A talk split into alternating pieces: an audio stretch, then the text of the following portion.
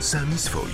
O mniejszościach dla mniejszości. Доброго вечора. В студії Софія Баянова. Сьогодні середа, 4 листопада. А в ефірі передача самі свої про все, чим живе українська спільнота в Нижній Сілезії. В цей вечір наша передача обривається танцювальними ритмами у виконанні навки пісня під назвою Та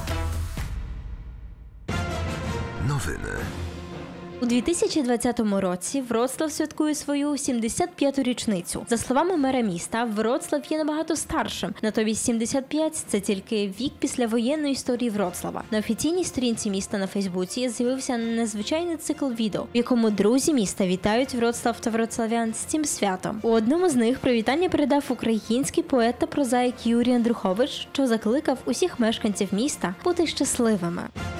У Вроцлаві відкривається нова організація, покликана допомагати іноземцям інститут прав мігрантів, що діятиме за адресою вулиця Руська, 46А у Вроцлаві. Його праця буде зосереджена на просвітницькій та консультативній діяльності для мігрантів, громадян Польщі та державних установ. Більш детально про це у випуску далі розповість керівник інституту.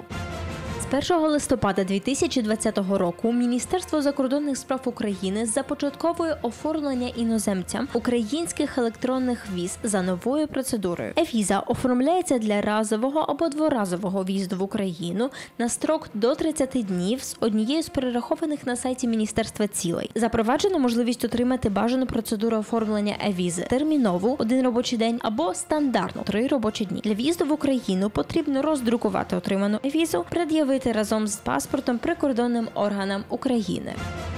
Новини з Білорусі. Білорусь закрила кордони з Польщею, Латвією, Литвою та Україною, в тому числі для своїх громадян. 29 жовтня 2020 року, за рішенням білоруської сторони, в'їзд на територію Білорусі через автомобільні переходи призупинено. Однак перетнути кордон Білорусі можна буде як і раніше повітряним шляхом через міжнародний аеропорт в Мінську.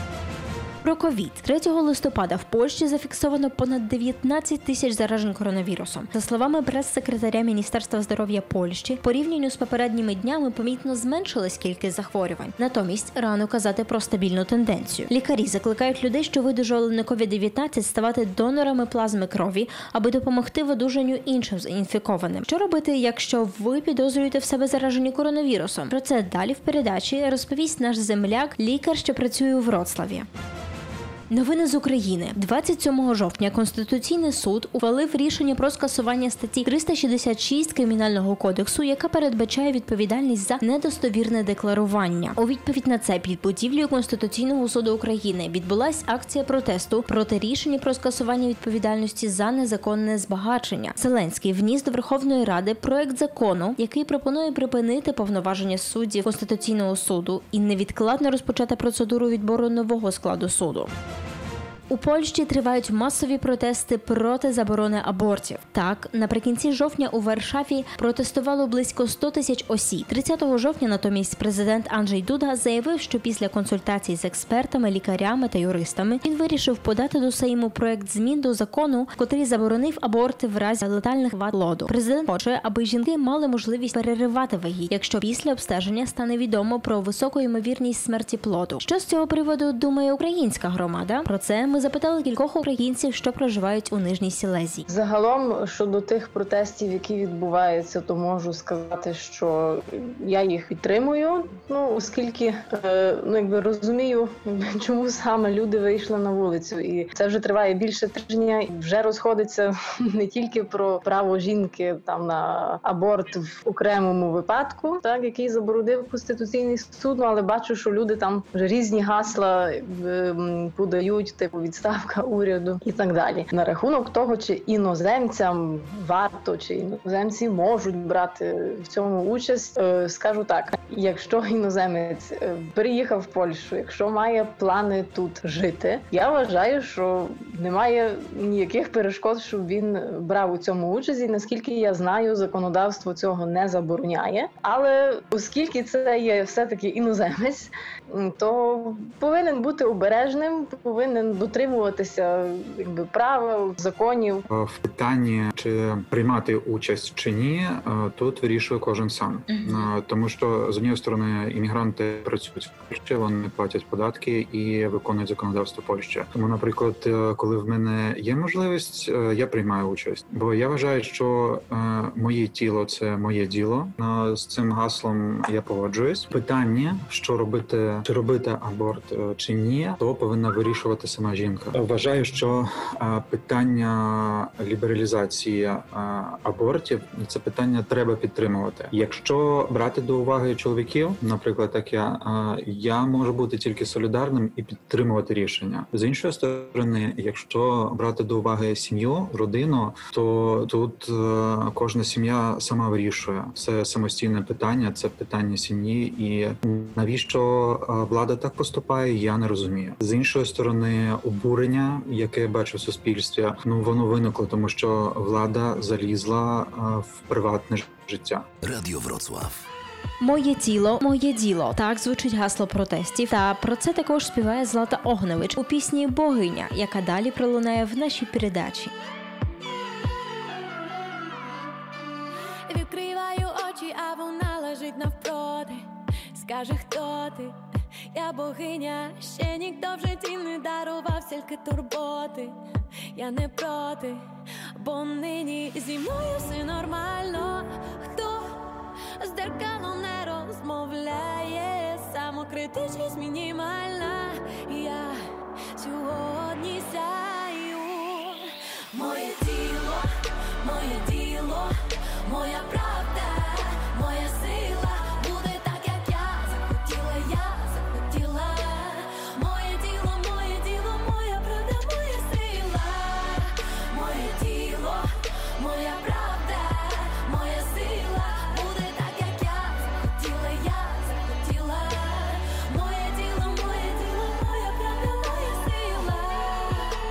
Дівчата, я написала нову пісню, а тому чекаю всіх богинь сьогодні ввечері на своєму квартирнику. Буде неймовірно круто. Все, що є навколо, я сама собі створила. Суперсила, моя правда. Більше не хвилює думка тих, хто лише заздрить, коли радить, та я рада. Зі мною все нормально, бо любов самокритичність мінімальна. Я здається, навчилася бути собою. Так, доню, Ма, побачила фото? Ну це вже занадто. моє тіло, моє діло. Моє тіло,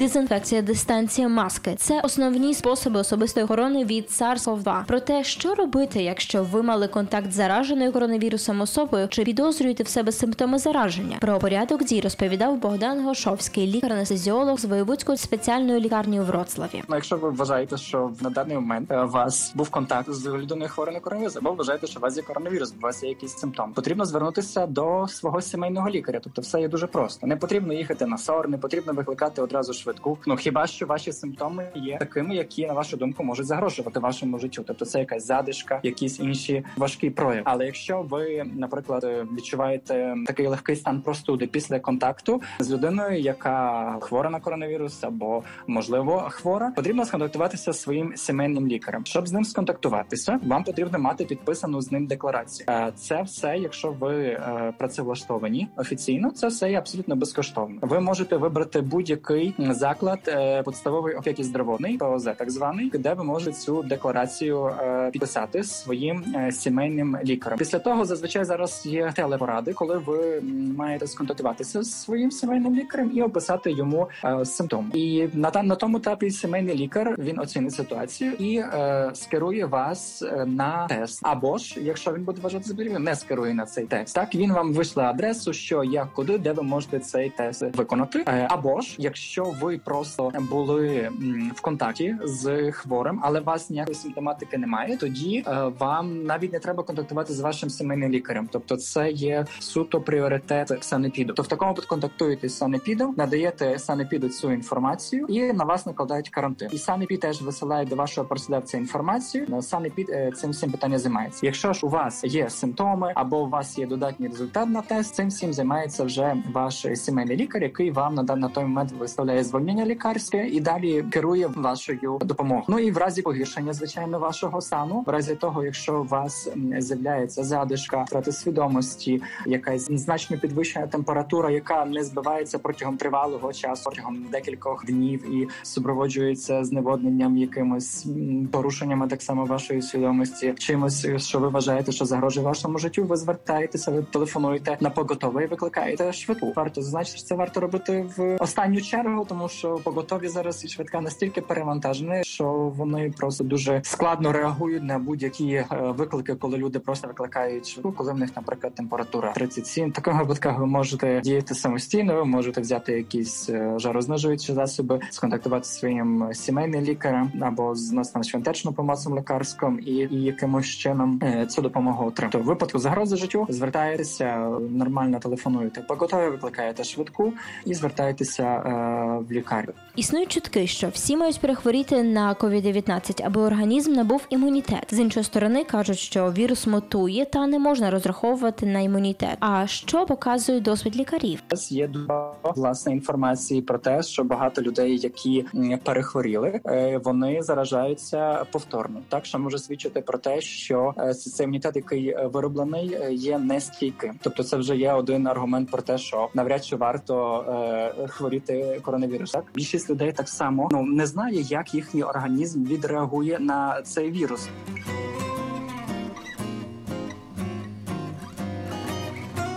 Інститут прав мігрантів це нова організація, яка виникла за підтримкою фундації України у Вроцлаві. Які цілі ставить перед собою інститут та чим займатиметься в унікальному інтерв'ю для нашої передачі, розповідає керівник організації Бартвомій Потоцький.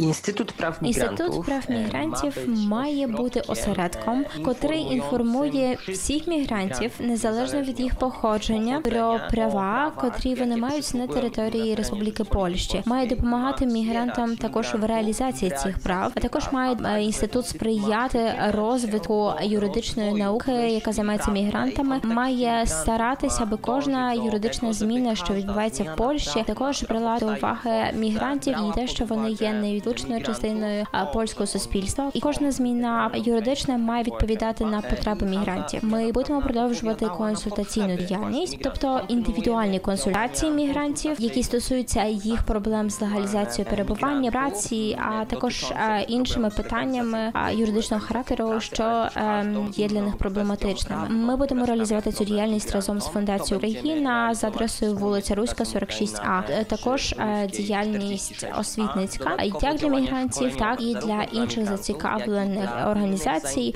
ем, роботодавців, державних служб, підрозділів міського самоврядування. Ми хочемо вчити їх юридичним е, питанням, а також показувати добрі практики, вчити їх добрим практикам. А інша ділянка нашої діяльності це діяльність публікаційна. З огляду на те, яке нині маємо часи, ми е, хочемо переносити частину наших публікацій форму відео чи, чи аудіо. Ми також будемо старатись робити цю діяльність у співпраці. Не хочемо самостійно змінити світ, але хочемо е, пізнати ставлення інших е, установ та людей, що, е, що працюють з мігрантами. Перша наша мрія, така найбільша, це організація циклу фільмів з представниками державних служб Польщі, що будуть розповідати про те, як вести себе з іноземцями, так іноземці мають вести себе в стосунку до державних служб, які обов'язки мають ці служби, а чого можуть від нас чекати. Інформація, яку ви можете від нас отримати, такий а, перший контакт індивідуальний буде відбуватися за адресою вулиця Руська 46А в приміщенні номер 201. Також можете піти на нашу сторінку на Фейсбуці, знайти там ем, наш номер, е, нашу адресу електронної скриньки. Можете писати до нас або е, задзвонити, задати своє питання та записатися на консультацію. Можете ви також зайти на нашу інтернет-сторінку. Ми ем, працюємо для мігрантів і е, цьому середовищу хочемо допомагати безкоштовно завдяки проектам ЄС та іншим проектам, які походять з інших джерел. А в рамках музичної паузи пропоную послухати нову композицію від Мамаріки. Мавка це поєднання української міфології та сучасного R&B.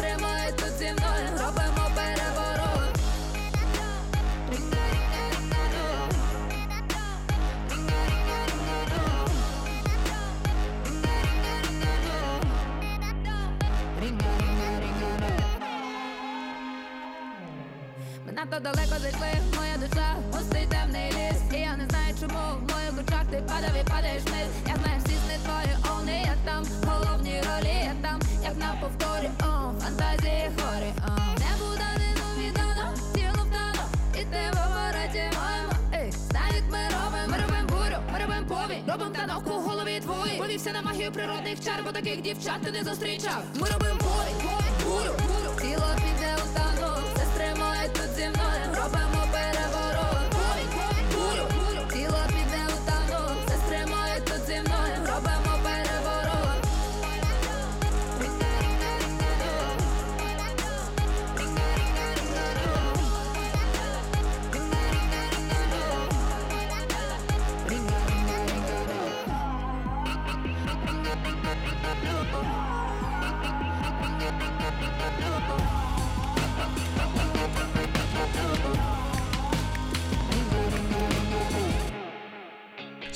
Twoi kulturalnie.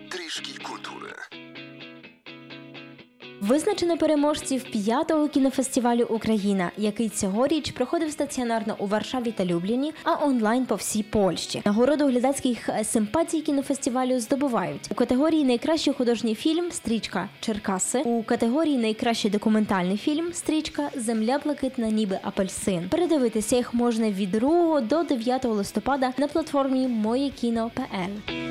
Незабаром у центрі інтеграції мешканців Новоонки відкривається багатокультурна бібліотека. Дитяча література рідною мовою буде доступна для всіх бажаючих. Про книжковий фонд та мету цієї ініціативи розповідає координаторка проекту Аліна Метелиця. Е, Ми хочемо створити затишне і безпечне місце, куди діти можуть прийти і почитати за чашкою чаю або забрати книжки додому. І до нашої бібліотеки ми збираємо книжки різними мовами, але робимо теж великий акцент на книжках саме українською і російською мовами, тому що у Вроцлаві живе багато дітей е, з України, з Росії, з Білорусі. І це відомо, що це досить велика проблема знайти книжки рідною мовою е, тут. Бібліотека буде знаходитися під адресою Траугута 81 у центрі інтеграції мешканців Новолонки. Е, На початку це буде бібліотека саме для дітей, а потім подивимося, якщо буде, якщо буде потреба, теж розширимо її і для дорослих. Більшість книжок вже куплені і доставлені.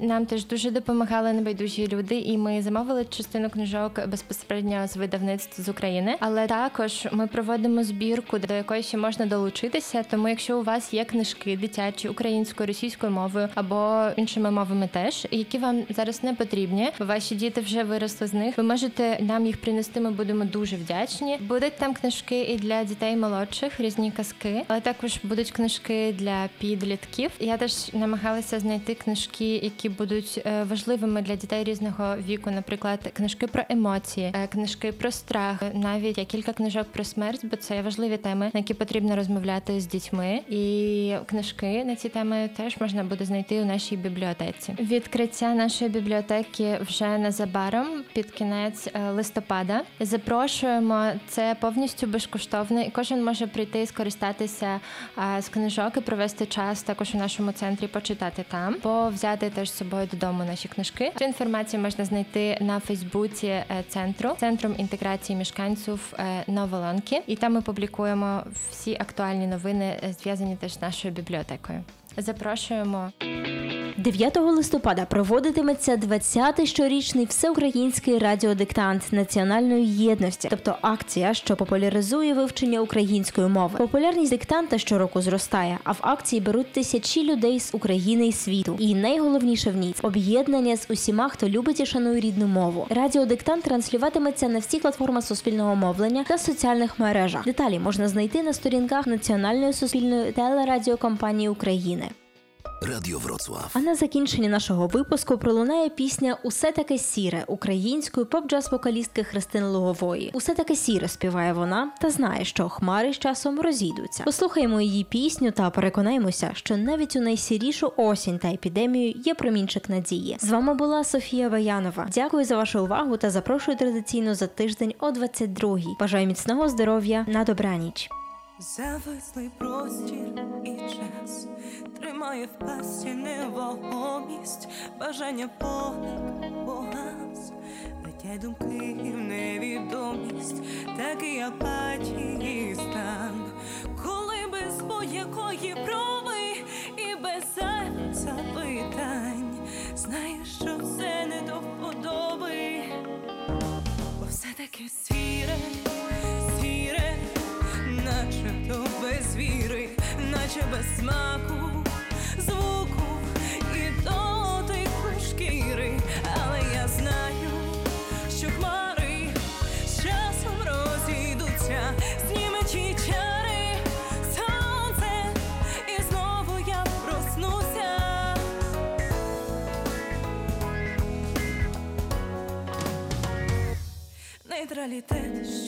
що немає емоцій, чи та душа ще жива, і на чиєму вона боці. Все зупинилося вмить,